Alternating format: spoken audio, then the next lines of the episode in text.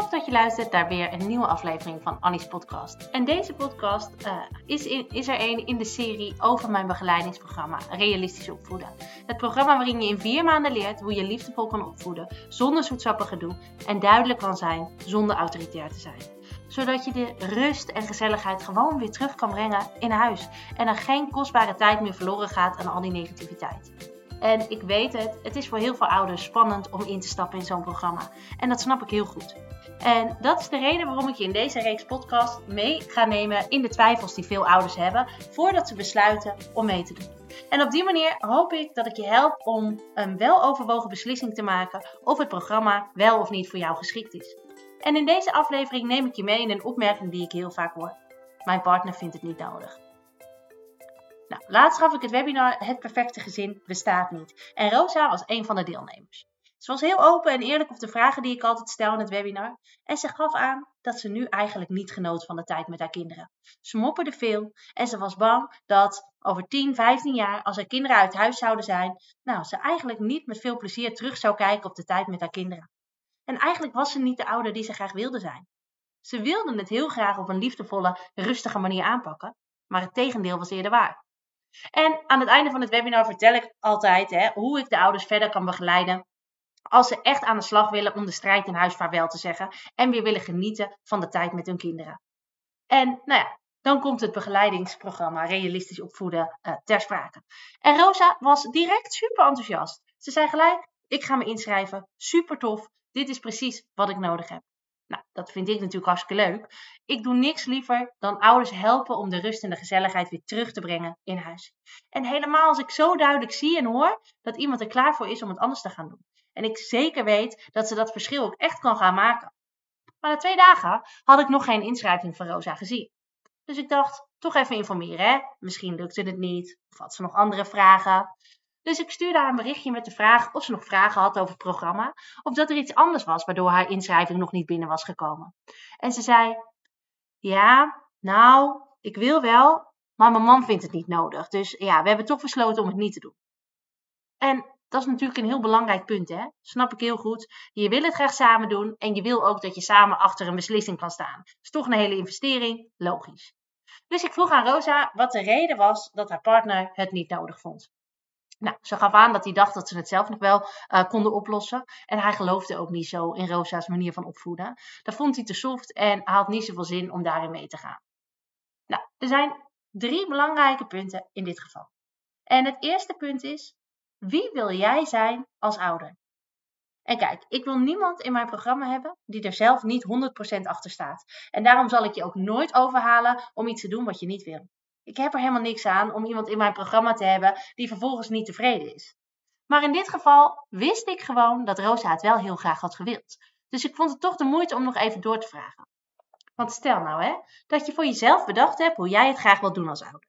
Je wilt warm, liefdevol en geduldig zijn. Maar in de praktijk merk je dat je eerder een mopperende, zaggerijnige ouder bent die regelmatig zijn geduld verliest.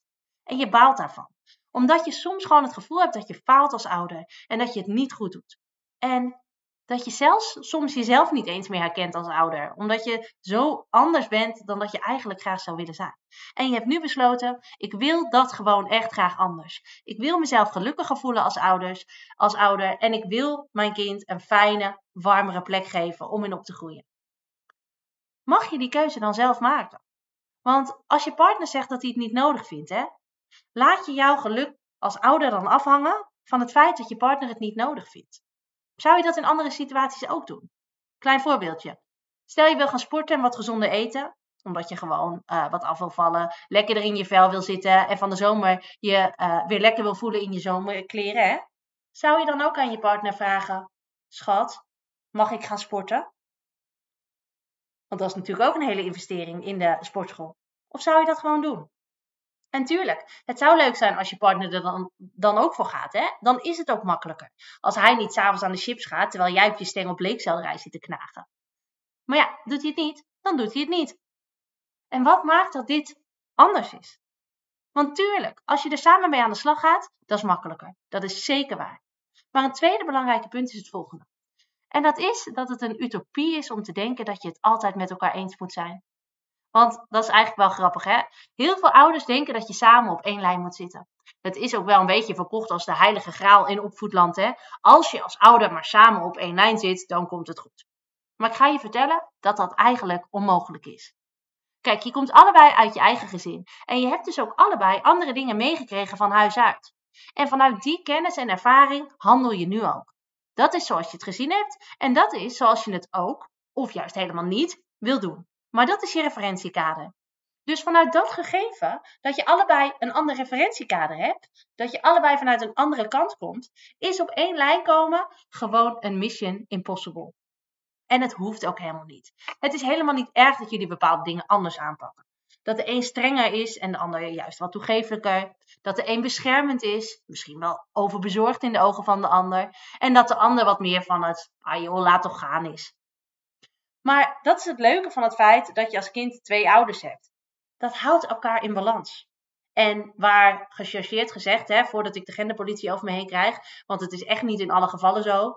Maar hè, het is vaak zo dat de moeder wat zoetsappiger, wat liever, toegefelijker en wat meer beschermend is. En de man juist wat meer van het autoritaire, gewoon luisteren, wat wilder en ongeremder en meer de grenzen opzoekend.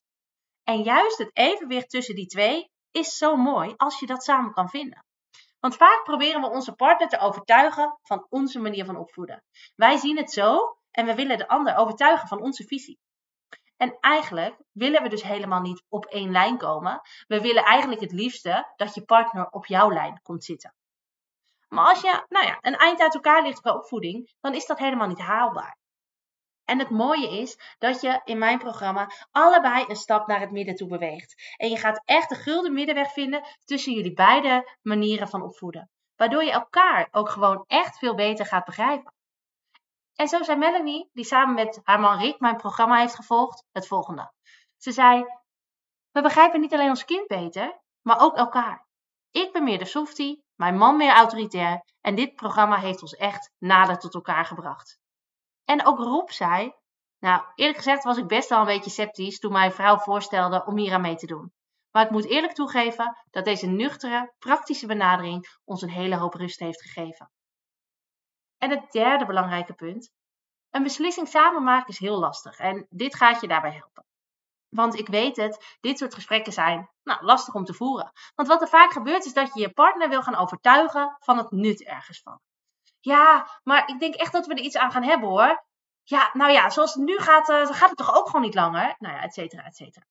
Maar het punt is dat het heel vaak zo is dat de ene persoon een situatie soms veel heftiger ervaart dan de ander omdat je misschien vaker thuis bent met de kinderen. Of omdat je de lat hoger hebt gelegd voor jezelf. En dat je een ideaalbeeld hebt gecreëerd. En je merkt dat je daar keer op keer niet aan je eigen standaarden voldoet.